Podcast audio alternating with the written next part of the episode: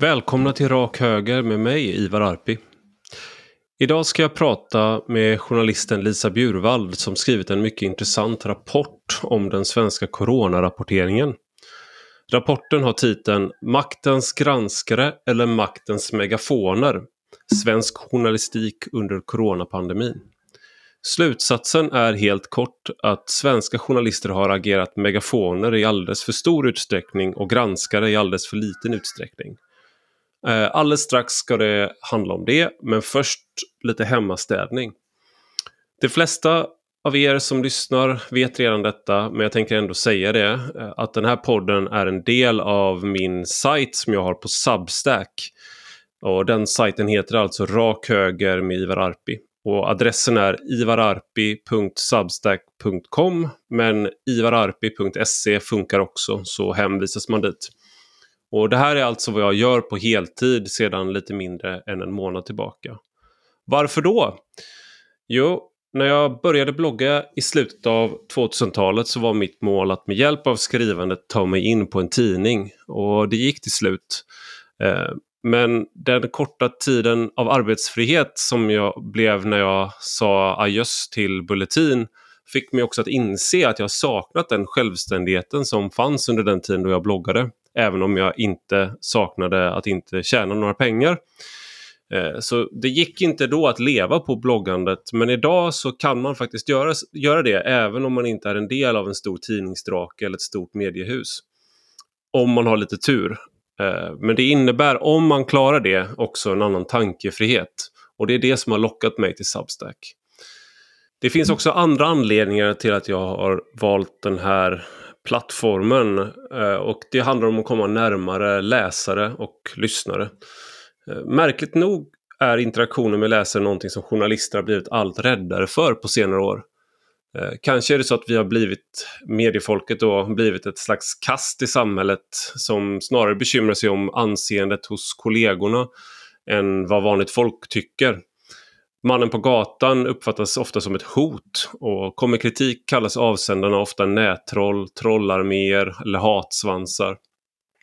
Eh, personligen så har dialogen med er läsare alltid varit någonting som motiverat mig. Eh, om det så är att man träffar någon på ICA på tåget eller får ett mail. Eh, så min tanke är att med hjälp av Substack som då är både en sajt och ett nyhetsbrev komma närmare läsarna och lyssnarna. Eh, och har mer interaktion helt enkelt. Att gå före i kontroversiella frågor har givetvis kostat på ibland. Eh, men jag har egentligen aldrig sett några alternativ till det.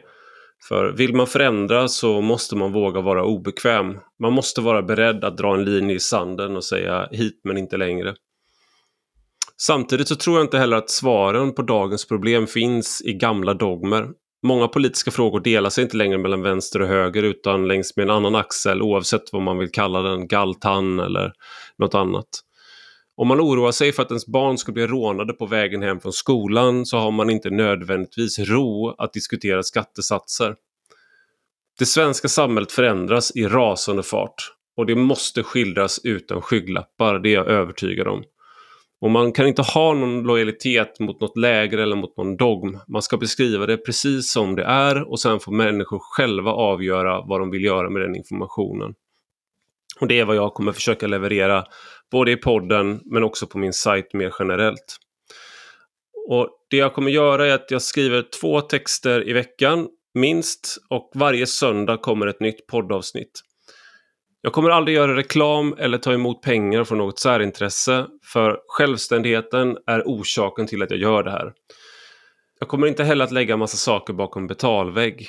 Men om man blir betalande prenumerant så får man också ta del av frågeavsnitt med podden och frågetrådar på min sida.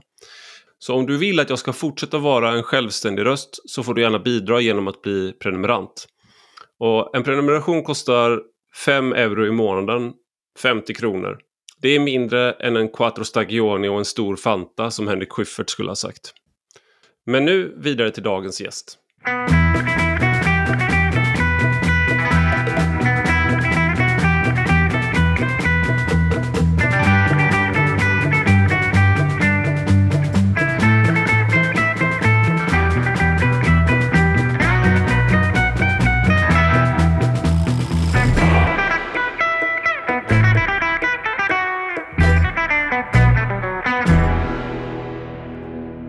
Välkommen Lisa Bjurvall till Rak Höger. Tack så mycket. Eh, det är inte så att man får en rak höger i käften eller något sånt där. Vi kan, vi kan se hur det här utvecklar sig, ja. men jag tror att du, du kommer klara dig. Ja. Eh, men du, du är här för att du har skrivit eh, rapporten Maktens granskare eller Maktens megafoner, svensk journalistik under coronapandemin. Yes. Eh, för Näringslivets medieinstitut. Mm.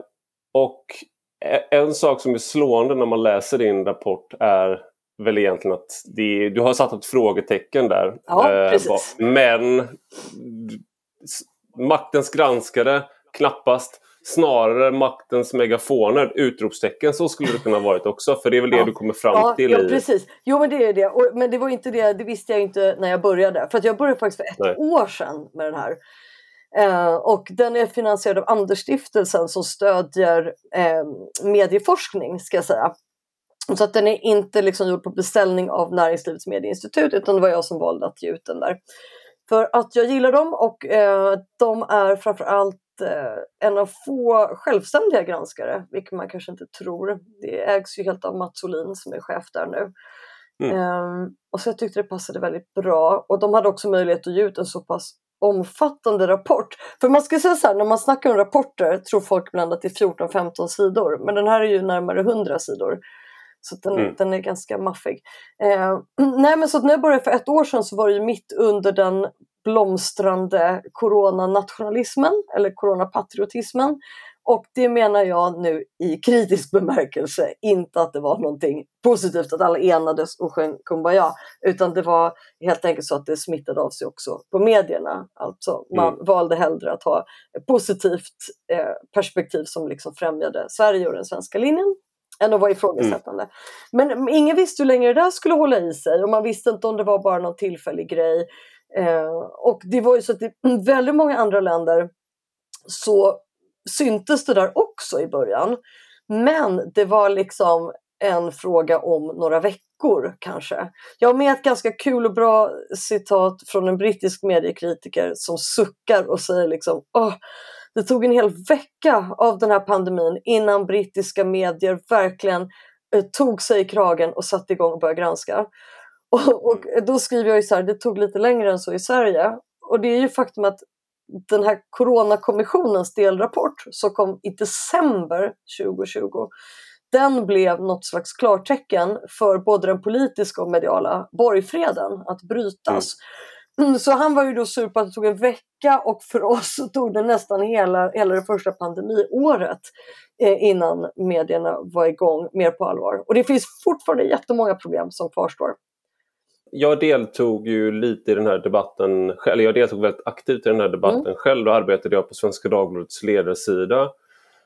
Um, och jag, särskilt jag och Lydia Wåhlsten som då eh, arbetade, som vi var kollegor då, mm. vi granskade det här väldigt mycket och vi blev ju då eh, vi fick en väldigt kon vi tyckte att vi ställde frågor och vi försökte vara kritiska men vi uppfattades som eh, Alltså som att vi destabiliserade landet, ja, att vi var mm. illojala mm, och att vi var liksom, den här, om du då du tog upp det här med coronanationalism, ja men då var vi någon slags, vi kanske inte var landsförrädare men det var ju det var i det häradet som folk ja. beskrev vad vi gjorde. Exakt. Och det där är ju ett centralt inslag har jag funnit i den här mediala coronanationalismen. Nu, anledningen till att jag säger mediala är att det fanns ju också en folklig coronanationalism. Eh, någon tjej som tatuerade Anders Tegnell på armen om du minns. Eh, mm. Var det på armen? Ja, det var inte i ansiktet i alla fall, men det var en riktig tatuering. Eh, T-shirtar, eh, all makt åt Tegnell och eh, liknande. Men jag har ju enbart tittat på den mediala bevakningen. Så därför mm. jag bara lägger in det som en liten brasklapp. Och där var ju just det här sättet man behandlade kritiker, eller inte ens kritiker utan de som bara gjorde ett normalt eh, självständigt eh, tänkande journalistiskt arbete var ju också mm. ett helt centralt inslag av coronanationalismen. Så det finns liksom många aspekter av den. Och då var det ju eh, särskilt de här forskarna som råkade väldigt illa ut, de 22 forskarna. Mm.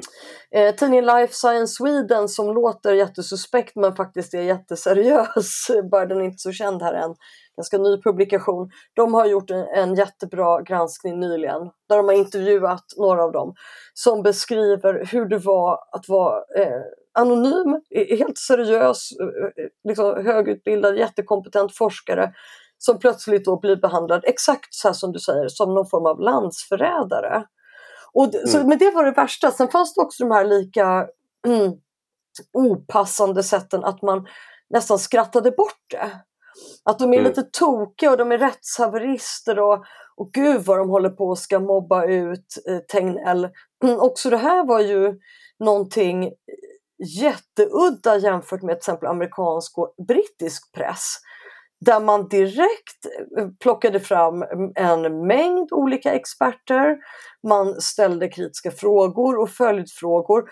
Mm, och om någon sa att Nej, men det där stämmer inte som regeringen eller den här hälsoministern säger, då, var det, då viftade man ju inte bort det utan tyckte man ju istället att men vad spännande, då låter vi den här personen komma till tals. Och det menar jag ju är en sund eh, journalistisk instinkt. För jag pratar ju jättemycket om den här mångfaldsprincipen i rapporten.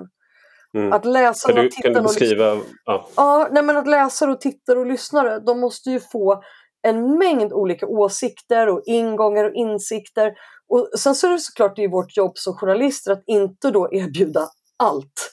Man kastar ju inte ner allt på den här eh, åsiktsbuffén. Så du tar ju inte in folk som är så galna antivaxxer som också får säga sitt. Man har ju några eh, liksom ramar. Men där ska finnas kritiker av linjen, det ska finnas försvarare, det ska finnas kritiker som är forskare, epidemiologer, men också sådana som kanske kommer från kommunikation eller media eller andra mm. debattörer. Och det här misslyckades man ju och det grövsta med alltså i den svenska coronabevakningen. Det var ju en helt... Eh, det finns ju det här amerikanska begreppet gaslighting. Ja. Eh, som är från filmen Gasljus. Mm, eh, härlig där, klassiker. Ja. Eh, och eh, Ingrid Bergman spelar huvudrollen då. Hon, och hon börjar uppleva väldigt obehagliga saker som är svåra att förklara. Mm. Eh, och hennes make svarar med att ifrågasätta det hon upplever och menar att det är hon som har blivit sinnessjuk. Mm. Du inbillar dig bara, du borde veta bättre, du förstår så lite, ja. du är galen. Mm. Och jag kommer ihåg att jag läste ett inlägg eh, av en epidemiolog som heter Karina King. Mm. Eh, och hon flyttade till Sverige i augusti 2018 när hon fick en tjänst på Karolinska institutet. Mm. Och hon såg fram emot att bo i Sverige för hon uppskattade att vi hade en lite lugnare kultur. Eh, hon trött på Brexit-bråk. Mm. Men så kom coronapandemin då. Eh, och den där tilliten eh, som vi har i Sverige till myndigheter den blev plötsligt, började hon se ett annat ljus. Mm. Eh, för hon började då se att men, är det här verkligen rimligt så som myndigheterna bedömer det här? Mm. Och, och sådär. Och hon upplevde då, mm. som hon beskrev det, som att hon blev gaslightad av en hel kultur. Oh. Jätteintressant! för att folk, och, och, när jag skrev, jag skrev en text om det här mm. då och lyfte upp det här. Mm. Eh, jag fick sånt gensvar från människor som annars är mina, har varit mina politiska fiender också. Mm. Jag ska inte nämna dem för att de skriver förtroende men det mm. var människor som annars kanske har sett, så man, man hittade så konstiga allianser men vi, mm. det vi delade en upplevelse då, det här var i maj eh, 2020 som jag skrev den här artikeln. Eh, men det där var ju någonting var, man ser att Sverige agerar helt annorlunda ja. än andra länder i Europa. Mm. Man ser att Folkhälsomyndigheten gör helt andra bedömningar än Europeiska smittskyddsmyndigheten. Mm. Eh, och eh, liksom, men man får liksom inte svar. Och när man ställer de här frågorna så sitter det mediala personligheter eh, och vetenskapskaraktärer som mm. Magnus Wold och Emma Frans och liknande. Precis. Och säger att, att man är tokig. Ja. Ungefär. Jag tycker det är så bra beskrivet och det intressanta är ju, jag har ju också skrivit ur eh, mediekritiskt perspektiv under året som har gått, uppmärksammat olika saker. Jag har också fått jättegod respons just från utlandssvenskar och från eh, utländska personer som nu bor i Sverige precis på det här sättet. Mm, att det är som att det krävs en liten distans för att inte ha svepts med i det hela. Eh, antingen att man då har varit ifrån sitt hemland så länge att man kan titta på det utifrån och säga att men vad är det som händer? Vad är det som pågår? Eh, eller precis som du nämner med den här kvinnan då att man flyttat hit nyligen från ett annat land. Mm. Eh, och mm, jag skriver också för The Local som är europeiska nyheter var, från varje land, fast på engelska.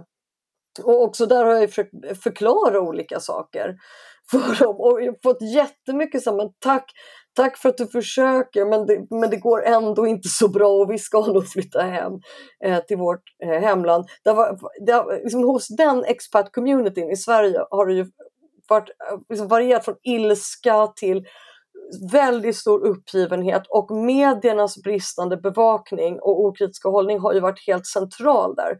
För att numera, du vet alla kan ju läsa via Google Translate även om du inte mm. kan språket. Så jättemånga tar ju del av svenska medier ändå. Eh, jag har ju med en liten, eh, ett litet stycke i rapporten om den här tysken naturligtvis, som blev en jättegrej. Vem är den här tysken som ställer Tegnell mot väggen, skrev DN.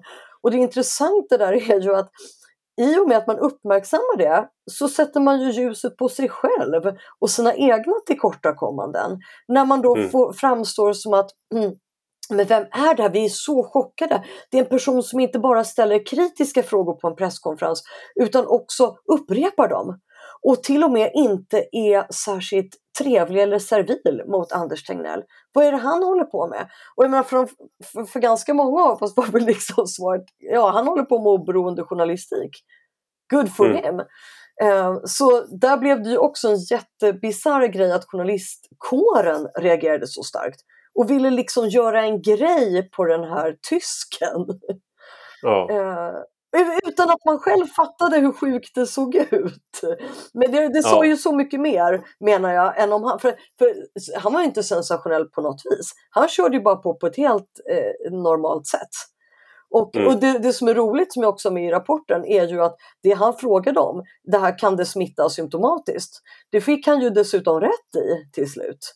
Det var mm. ju så som han eh, drev på. Men å andra sidan hade han ju också kunnat haft fel. Det är ju inte centralt. Men det var ju en extra god poäng här att han dessutom inte hade en eh, galen off topic-fråga utan att han faktiskt var kon på något som sen visade sig vara korrekt.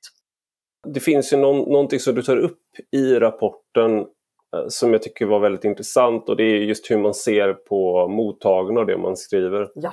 Att eh, den här tysken då kanske och andra journalister i andra länder, de såg på läsarna som att de klarar av att vi ifrågasätter eh, myndigheterna.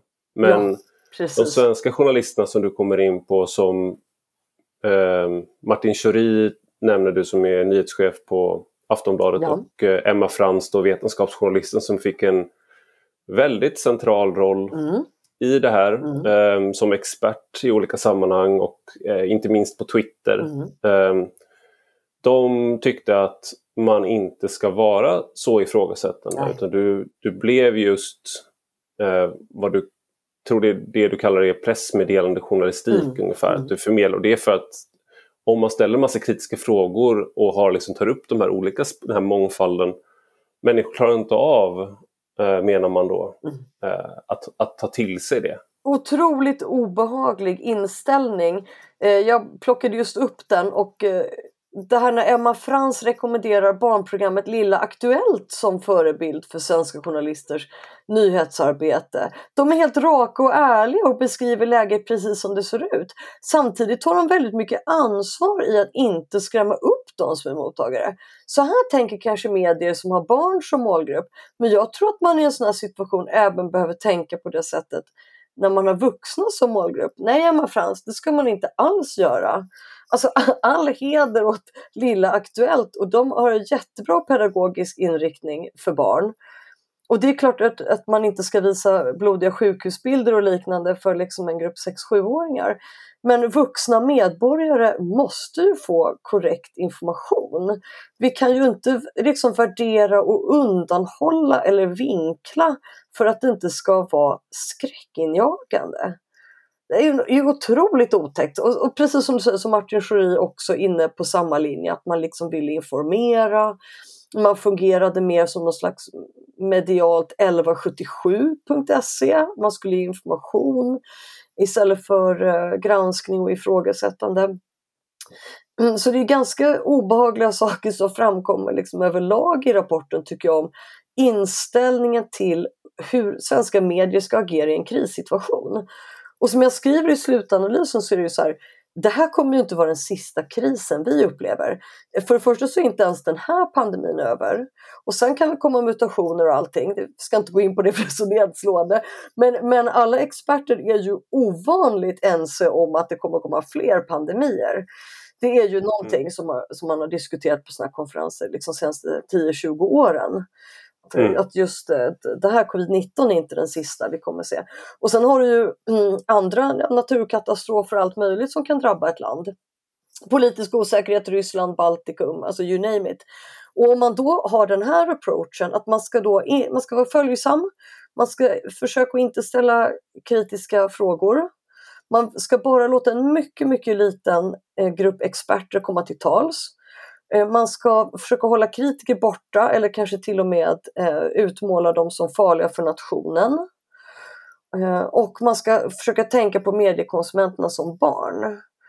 alltså det, det, är inte helt rätt det här va? Men det är någonting i det här som jag tycker är eh, jag ska återvända till Emma Fransen mm. eh, och hennes bok som kom tidigare i år. Mm. Men jag tänkte att det här är en bredare trend inom journalistik och i samhället överlag där man har eh, Å ena sidan kanske du har då faktiska galenpannor som Donald Trump och så här, man tror inte på vaccin, man, eh, man tror inte på några experter eller auktoriteter, man, man letar upp själv, liksom, du har den här Qanon och du har massa ja. sådana här konspirationsteoretiker, så den delen finns. Mm.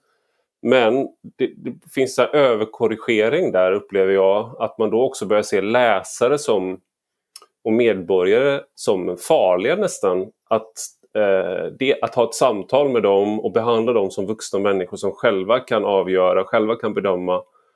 Man tappar liksom förtroendet där. Mm. För att det, det skulle då på något sätt vara det, då blir liksom det sveps det är också någon form av populism då på något sätt. Så då mm. blir det så här lilla aktuellt mm. eller mm. extrem auktoritetstro för att kompensera för den här eh, vulgärpopulismen som, som finns på riktigt. Mm. Men jag mm. skulle ändå säga att i Sverige att den inte är den dominerande eh, riktningen. Nej. Även om det kanske finns i USA så finns en mycket större grupp människor mm, eh, Mm. Jo men det är ju helt sant, alltså, när det har varit senaste tidens skriverier eller senaste årets skriverier om konspirationsteorier så har det varit otroligt mycket experter och eh, olika typer av människor som har fått uttala sig om dem. Men det har varit väldigt lite intervjuer med folk som faktiskt tror på de här konspirationsteorierna. Det behöver inte vara de här mest galna om eh, barnätande pedofilnätverken och Pizzagate och Qanon och allting. Utan det kan väl vara lite, liksom, lite mellanting då, något som skulle kunna vara mm. Eh, seriöst. Eh, så det tycker jag att man har saknat lite grann. Och det här kan ju alltid göras med god och ansvarsfull journalistik. Jag, menar, jag minns en gång, det här är, nu kommer ett namn som jag tror dina lyssnare hatar, men det var ju att jag för eh, tio år sedan jobbade för tidningen Expo och så skulle jag intervjua en eh, sverigedemokratisk politiker uppe i norr. Jag är stockholmare så jag är så här uppe i norr, det är typ någonstans norr om Uppsala. Jag minns inte exakt var.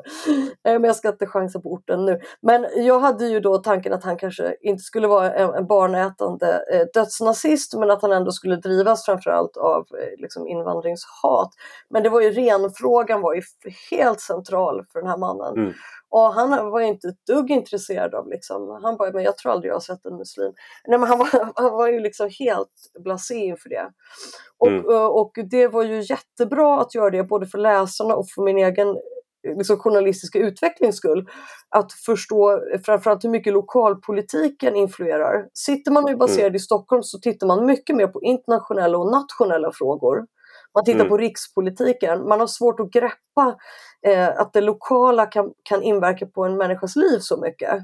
Så att det mm. faktiskt är därför man till och med går med och representerar ett parti som man kanske inte delar 100% alla värderingar med.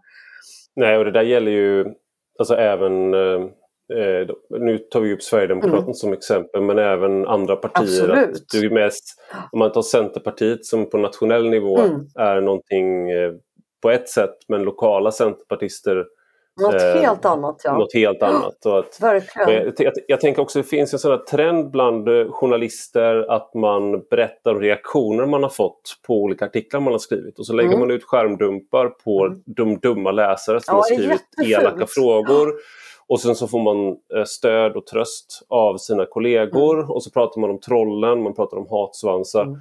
Och jag förnekar inte att, att allt det där finns, menar, jag stöter också på eh, de där sakerna. Men det blir en sån här... Man väv, jag, jag, undrar om det där påverkade sen också då hur man ser på läsaren när man väl kommer fram till, mm, mm. Väl kommer fram då till coronapandemin. Ja. Att man redan har etablerat den här tanken på den här massan av människor som är lättledda, farliga mm. och lätt kan svepas med ja. när de är rädda. Så vi, det vi måste göra är att vi måste lugna dem. Mm.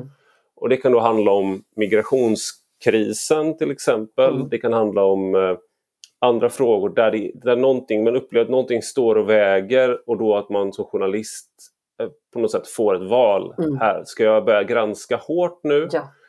Eller ska jag försöka gjuta olja på vågorna? Mm, precis. Och där är det två jätteintressanta grejer i rapporten jag tänker på. Först är en, en lång intervju med opinionsinstitutet Novus VD Torbjörn Sjöström som säger här att medierna var helt ointresserade under coronaåret av våra undersökningar. Och det här är så intressant därför att som han mycket riktigt påpekar så är det ju det här är ju det som tydligast berättar om hur folket mår och vad folket tycker och tänker. Eh, till och med sånt här som siffror över insjuknande statistik kunde du ju bara se de som hamnar på IVA eller de som har sökt vård. Alla de som kurerar sig själva i hemmet från corona missade man ju. Det var bara mm. eh, Novus eh, undersökningar som plockade upp där för att man ringde upp folk, tusentals människor varje vecka. Mm. Men han menar att det fanns inget intresse och efter ett tag kommer folk dra slutsatsen att journalister är dumma i huvudet om de fortsätter så. Han är jättekritisk så, så, läs eh, gärna den du och de som lyssnar för han har väldigt mycket bra att säga där. Um, mm. Och sen det andra jag tänkte på som jag har med är just det här att många journalister har varit väldigt fula faktiskt under pandemin på att inte credda tipsare på Twitter. Andra sociala medier också men definitivt mest Twitter. Så du har haft twittrare eh, som inte jag, jag absolut inte kontrollerat bakgrund eller någonting, jag bara ser att det förekommer, eh, som då är kritiska mot Sveriges pandemistrategi, som plockar fram jättebra handlingar, rapporter, begär ut mejlväxlingar och så vidare. Eh, och gör liksom ett journalistiskt grovarbete som vi borde ha gjort ständigt, alltså från dag ett. Och det, vi har ett kapitel om Finland i rapporten som är skitspännande och där säger faktiskt en finsk redaktör att eh, den, här journalistiska granskningen borde ha kommit igång omedelbart, dag ett. Var finns ingen anledning att fördröja det. Men så blev mm. det. Men så liksom plockar man upp det där och så antingen skriver man bara så här eh, ja, jag fick reda på, eller så låtsas man som att man plockade fram det själv. Mm. Och det är så jävla konstigt, för det tycker jag sitter i ryggmärgen. Eh, alltså det är som att säga tack eller att hålla upp dörren för en äldre person för mig. Jag skulle aldrig, eh, om inte personen själv inte vill det uttalat, eh, missa att kredda. Det är ju det är skitfult. Någon annan har gjort jobbet åt dig. Det minsta man kan skriva är så här, eh, men jag fick det här, den här informationen, på, eller på Twitter sprids just nu mejlen mm. mellan de här personerna som jag nu har valt att granska. Varför, varför har man inte velat credda folk? Nej, för att det är fult och det har blivit så känsligt med det här att vara kritisk. Därför att det satte sig så tidigt att de som är kritiska mot Sveriges pandemihantering och Sveriges pandemistrategi, de är lite dumma i huvudet, de är rättshaverister, de är elaka, de är onda mobbare, eh, de är dåliga forskare, alltså alla möjliga eh, skämtsamma och allvarliga epitet, nedsättande epitet. Mm. Och, och då så blev de liksom persona non grata. Från sådana som verkligen verkar vara lite troll på Twitter till högt och fram, liksom placerade och framstående forskare. Alla ryms i den här gruppen, alla! Verkligen en sån jättediversifierad skara. Ehm, mm. Det de ändå haft gemensamt var att de inte automatiskt har eh, tatuerat in Tegnell, Tegnell. Och, och bär en så här Almacto Tegnell t-shirt. Mm. Men om man går igenom de här 22 forskarna, hur många som har publicerats och så här, kan finnas brister i sådana mätningar men om man kollar på genomslag och fram, hur framstående de är så är det flera av dem som är väldigt framstående inom sina fält. Ja. Eh, Verkligen. Och, eh, så att flera av dem som förekommer då i den här listan av de som har varit kritiska på olika sätt, det är ju liksom inte nobodies som är eh, liksom ouppmärksammade och misslyckade forskare utan tvärtom. Däremot Eh, så samtidigt då som de uttalade den här kritiken och var väldigt, eh, säga, det här är framstående experter, ja. så har man en person som Giesecke som absolut är en expert, mm. kanske inte längre en aktiv forskare i det avseendet, så han, att mäta honom på det sättet kanske är lite missvisande. Mm. Men han kunde sitta och säga saker i tv där det var helt uppenbart att det var så Leif GW-syndromet, att man uttalar sig med väldigt mycket tyngd ja. liksom, som, som, på något sätt sitter i gubbbuken. Ja, då. Eh, och det, vi blir så imponerade att vi måste liksom och vi vill så gärna lyssna på mm, Giesecke mm. och Leif GW. Ja. Och liksom... Som blir överbevisade gång på gång att de har fel med, med de mest eh, konstiga teorier. Eh, och, och, eh, han fick ju till och med frågor om det Giesecke efter ett halvår, att det här och det här sa du i våras och du lät så tvärsäker och, och, och uh, hur tycker du om det nu? Nej men det är liksom okej. Okay. vägrar, vägrar ha en ödmjuk inställning till och med då. Ja, och det, och det är väl det här som är... Har inte du skrivit om det här Giesecke-syndromet till och med? Nu jo, exakt. Jag. Jag, jag kallar det Giesecke-syndromet. Ja. Att man, att man liksom lyckas övertyga alla. Det, det, är en sån här, vi alla går runt på någon sån här eh, förlorad käns känsla av att vi har förlorat pappa. Ja. Och så kommer Gisek och bara äntligen pappa är här, pappa ja. är tillbaka. Ja. Liksom. Mm. Och nu kan vi lyssna på pappa. Mm. Eh, även vi som har pappor då ja. liksom, har ändå förlorat pappa och måste ha pappa. Det här är ju så eh, intressant. Det, det, här, alltså. det är så konstigt, så auktoritetstro, för vi tänker ofta på oss själva som sekulära, mm. liksom rationella och allt det där. Men det här, det, egentligen, och nu har vi varit inne på gubbar ganska mycket, mm. men även en person som personer som Emma Frans och Agnes Wold har ju haft en liknande roll som någon slags uttolkare av de här sakerna, auktoriteter. Agnes, jag vet hundra gånger mer än vanliga människor, direkt citat Wold. Eh, det mm. finns ju ingen ödmjukhet där överhuvudtaget. Men det är så intressant för att eh, kvartalschefredaktör Jörgen Wittfeldt eh, pratade jättemycket bra om det här på Rapportens lanseringsseminarium nu i veckan. Det här med att det liksom att prästen, och du, du pratar om fadersrollen och, och, och han pratar om prästen och liksom den det sekulära Sverige, vi, vi, vi, söker ju ändå liksom någon slags ledargestalter.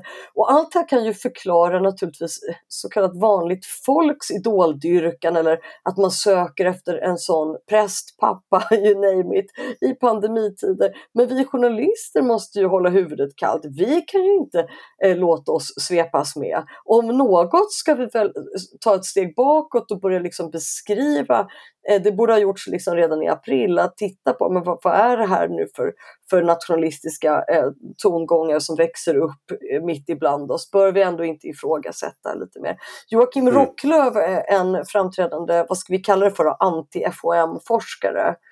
En av de 22. Ja, eh, han är intervjuad i min rapport och säger jättemycket bra saker. Det är svårt att sammanfatta men en väldigt viktig aspekt som han påpekar är ju att FOM la ju sin egen scen. De byggde ju den här scenen som man sen bjöd in medier och svenska folket till och därmed fick de ett automatiskt överläge. Eh, för de satt, det här är deras stage, alltså det är, jag, jag tänker lite som så här boxning, att det, det var deras ring och alla andra sitter nedanför. Och då får du en automatiskt väldigt stark maktposition. Och har du dessutom den här lite överlägsna vetenskapsframtoningen eh, och vad kan ni som journalister veta om det här, så blir det ju ännu svårare Eh, att gå emot det. Det borde inte vara det och tysken hade ju som sagt inga problem med det, men för svenska journalister blev det för jobbigt. Det är ju, eh, jag tänkte skulle ta upp Emma Frans bok som hon kom med eh, tidigare år lite snabbt. Det är inte, du har ju inte skrivit eh, om den speciellt men hon, den heter Alla tvättar händer och är utgiven på förlaget Volante. Eh, och det är då en samling av författarens dagböcker från pandemiåret. Eh, det är 400 sidor eh, och här det var en eh, recensent som heter Lapo Lappin som skrev en fantastisk välskriven recension i studenttidningen Ergo. Den är mycket bra den recensionen. Ja, citera! Ja, Åh. ja men Emma Frans tvår sina händer är rubriken vilket är, eftersom jag är göteborgare i grunden så tycker jag det är väldigt kul. Eh, Även vi stockholmare uppskattar detta.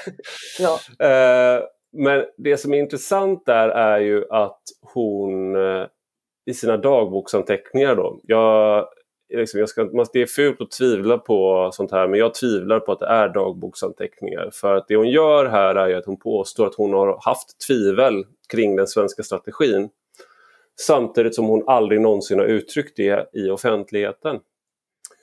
Och tvärtom, om man har följt henne så har hon ju varit en tillskyndare av Folkhälsomyndigheten ja. och försvarat dem i vått och torrt mm. och då eh, kritiserat de, de här 22 forskarna och alla som på något sätt ställt för mycket kritiska och frågor. På ganska, på ganska grova och nedlåtande och hånfulla sätt skulle jag också vilja säga.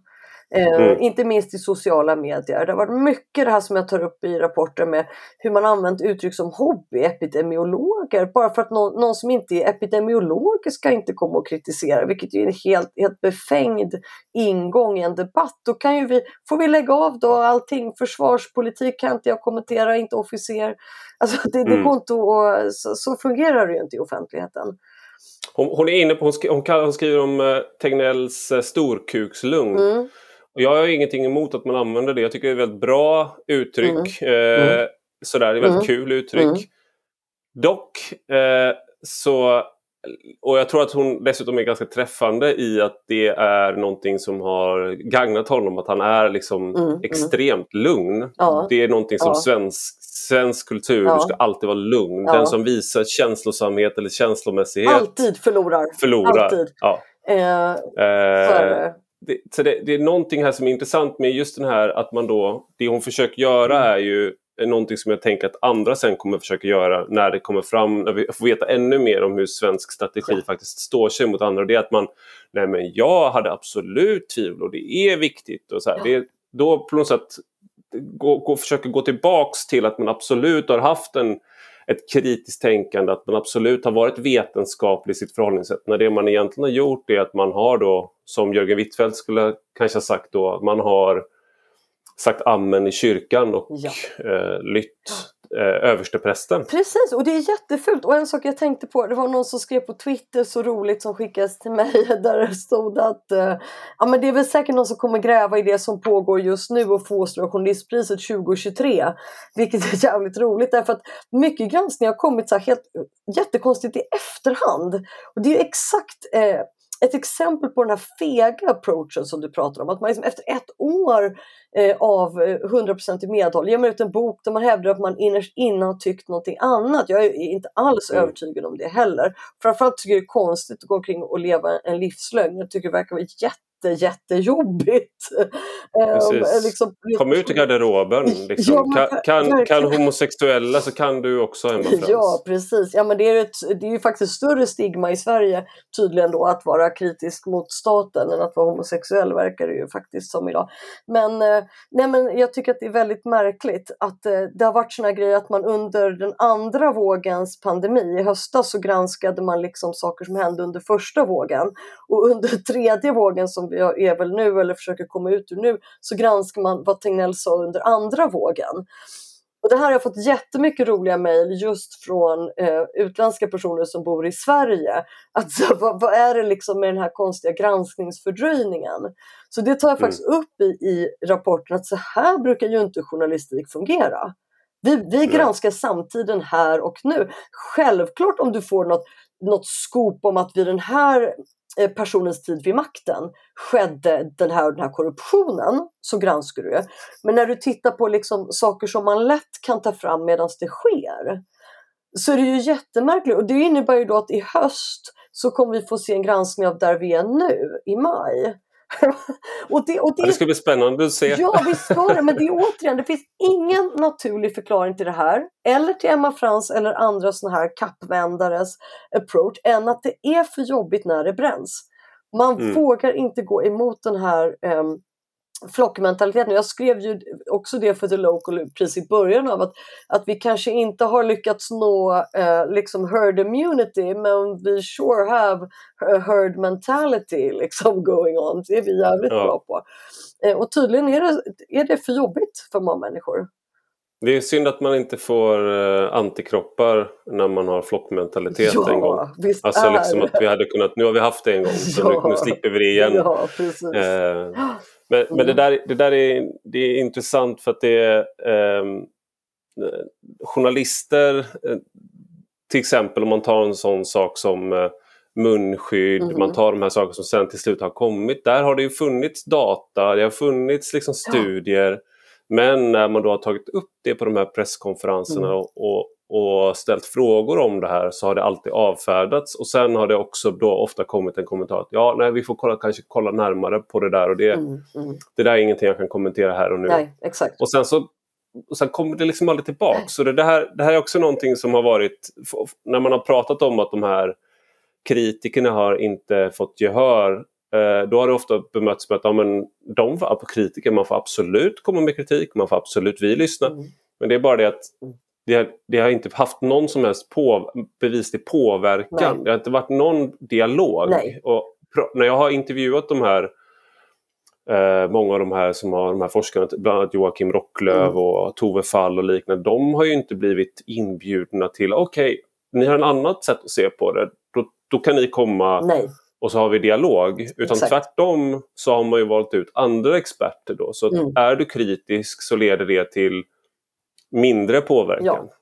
Ja, framförallt så det man har gjort, då har de varit så här, men ni kan få kommentera lite kort. Eller ni kan väl skriva en motdebattartikel då.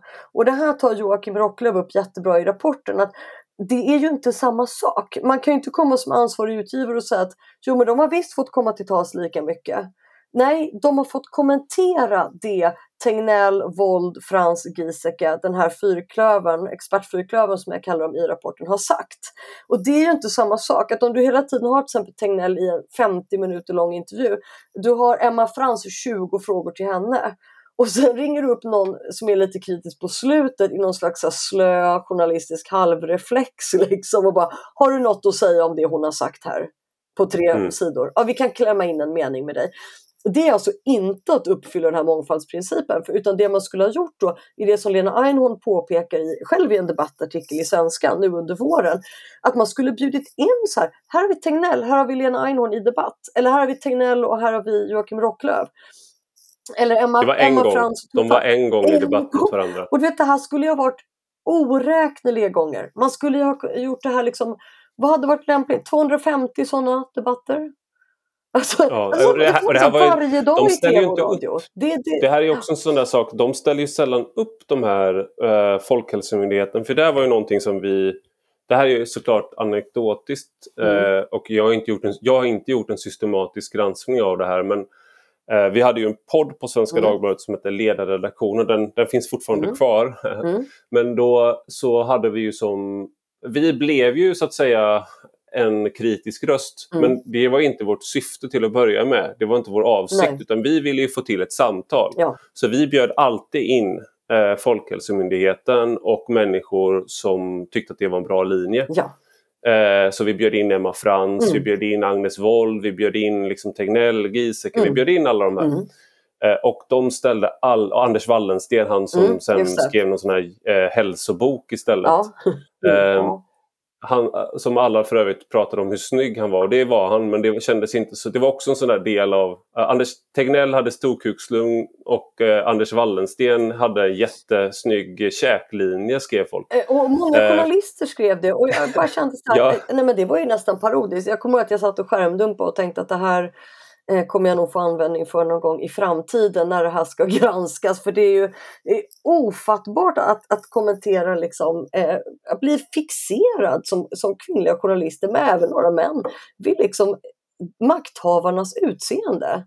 Kan det, ja, kan det, bli schysst, mindre seriöst? Fan, statsepidemiologerna så jävla schyssta pappor Ja, alltså det hade man nej, ju aldrig, hade aldrig, aldrig, man, aldrig. man skulle vända på det, det är helt absurt. Underbart om någon hade gjort det bara för att eh, liksom visa på hur knäppt det är faktiskt. Tycker ja. jag. Jag tycker någon skulle ha gjort det. Ja, ja, du, vi, får, du har ett uppdrag ja, som nästa. Precis, tack, tack.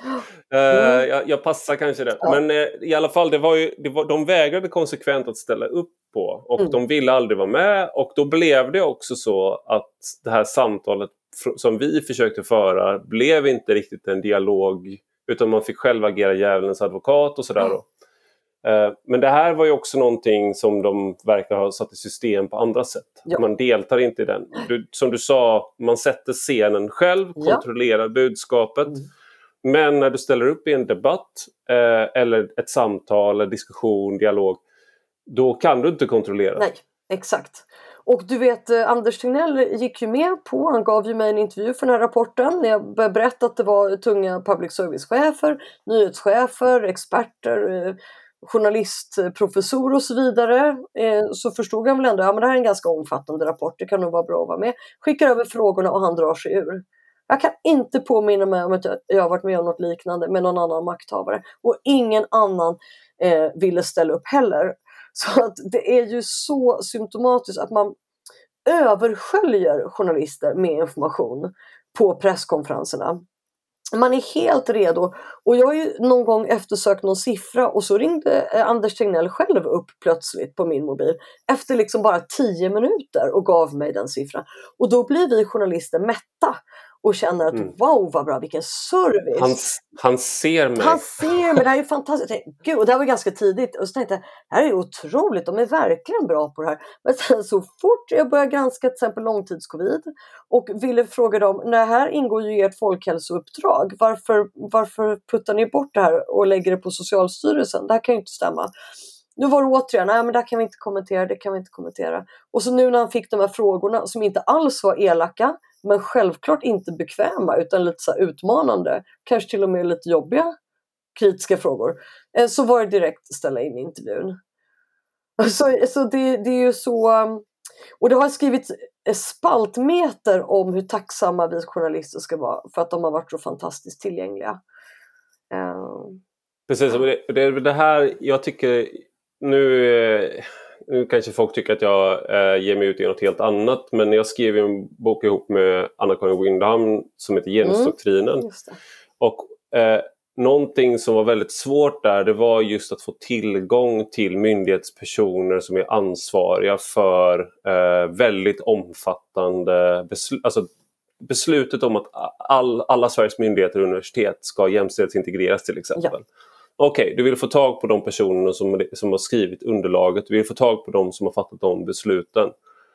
Det var, det var nästan omöjligt att få tag på många av de där människorna och vi försökte liksom mm. i nästan ett år med vissa individer och sen mm. till slut till exempel Jämställdhetsmyndigheten. Först ställer de upp sen så ställer, och sen fick vi en tid, liksom så fem månader fram i mm. tiden skulle vi ja, få en, en, en, intervju. Ja.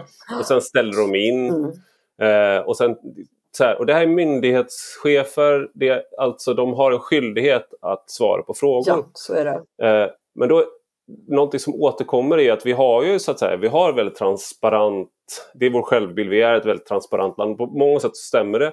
Mm. Men när du ska nagla fast saker, när du ska få människor att faktiskt då ta det där ansvaret, att du ska vara ansvarsutkrävande och, man, och när de börjar ana att här kan det finnas ett mått av ansvarsutkrävande. Ja. Då är det inte så transparent längre. Och då drar det ut på tiden och då är det väldigt, väldigt svårt att få mm. svar. Mm.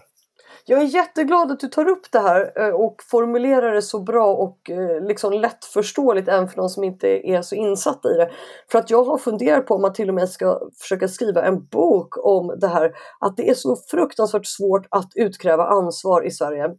Vi har också varit med om det så många gånger. Nu är det här, den här medierapporten den senaste i raden. Sen har jag nyligen kommit ut med en bok, Gärningsmannen är polis, som handlar om sexuella trakasserier och tystnadskultur inom Polismyndigheten. Exakt samma sak där. Eh, omöjligt att ens få eh, rikspolischefen att ställa upp i TV4-nyheterna. Jag var med och gjorde en granskning på samma ämne för Kalla fakta. Bara vägra rakt av. Vad ska du göra? Du kan ju inte åka och hämta honom. slänga in honom. Det går ju inte. Du kan, ju, du kan ju inte dra en människa liksom, in i studion. Eh, och sen på något sätt så, så, blir det ingenting. Och också när jag skrivit boken BB-krisen och svensk förlossningsvård, att det är så här, Fan, det här har pågått i flera decennier, att kvinnor tvingas föda på parkeringsplatser, vi har för få, vi lägger ner förlossningskliniker och allting. Satsa nu på eh, att ge svenska medborgare en trygg start i livet. Och, och, mm. att faktiskt inte riskera kvinnors liv och hälsa i ett i-land som Sverige. Och det är enormt svårt också där att få någon att ta ansvar och faktiskt säga ja, vi är nog inte ett så lyckat land på den här fronten. Det här måste till en stor reform av svensk förlossningsvård. Det är, mm. det är en sån jävla uppförsbacke och samtidigt är det så här, som du säger, eh, det spelar nästan ingen roll. Det är myndigheter och det är politiker. Och det är över hela spektrat. Det är från rättsväsende eh, till frågor om jämställdhet, till frågor om sjukvård. Eh, mm. Jag undrar om det är, du, du, tar upp, du tar upp en nyckel till, eh, du tar upp en nyckel som kan vara en del av det och det är den här ansvarsspridningen som finns, ja. har funnits i pandemihanteringen i alla fall. Mm. Så att folk så att säga, i myndigheterna de kanske upplever att nej men det är inte mitt bord Exakt. när det börjar bli dags för ansvarsutkrävning. Mm. Och det här blir ett problem för att du har liksom ingen är den som säger the buck stops here. Nej. Jag är den som fattar besluten. Exakt. Eh, utan det är alltid liksom utspritt på fler. Ja. Så då när man ska försöka liksom alla är med på övningarna när man övar katastrof ja. och är deltar. Mm. Men när det sker en faktisk katastrof och det liksom någon ska fatta besluten och ta ansvar mm. så är det alltid någon annans bord. Och sen det här upplägget med regioner och kommuner, det är ju det som komplicerar det. Och det är en helt egen diskussion som man inte orkar gå in i nu. Men det, men det är väl liksom en klar fördel om att till exempel skulle förstatliga sjukvården eller liknande är ju just ansvarsutkrävandet och den, den biten. För att som det är nu är det ju mycket så här, av det man granskar som journalist, helt vitt skilda ämnen och det är alltid det här, den ena handen vet inte vad den andra gör. Du sitter och ringer Västra Götaland, åh vi har just initierat ett nytt projekt om det här. Alltså är man inläst på något ämne, men vad fan det där har de ju redan gjort i Dalarna. Det behöver inte ni göra ett projekt. Det händer så ofta och det är ett enormt resursslöseri med tid, kraft och skattebetalarnas miljarder faktiskt. Mm. Um, så det, det, är ju något som komplicerar det jättemycket. Men som sagt, det där behöver man ha ett heldagsseminarium om upplägget med regioner och kommuner. Men um, det gör det inte lättare eh, just ansvarsutkrävandet faktiskt. Det gör det inte. Nej. Om man ska avsluta i, i pandemin då, mm. vad, kan, eh, vad kan vi lära oss av, eh, av den här hanteringen, journalisternas hantering av, mm. av pandemin? Vilka lärdomar eh, ska vi ta med oss? Vi måste stå helt fristående. Vi måste ha en kritisk inställning redan från start. Eh, vi kan inte ta hänsyn till sådana tankegångar som om medborgarna blir alltför uppskrämda eller om vi gör någonting som är negativt i längden för Sverigebilden eller liknande. Utan vi måste bara hålla de journalistiska principerna högt. Tack Lisa Bjurvall för att du var med i Raka ögat. Tack! Och eh, tack till dig som har lyssnat. Och har du några frågor eller synpunkter kan du mejla mig på ivar.arpi.gmail.com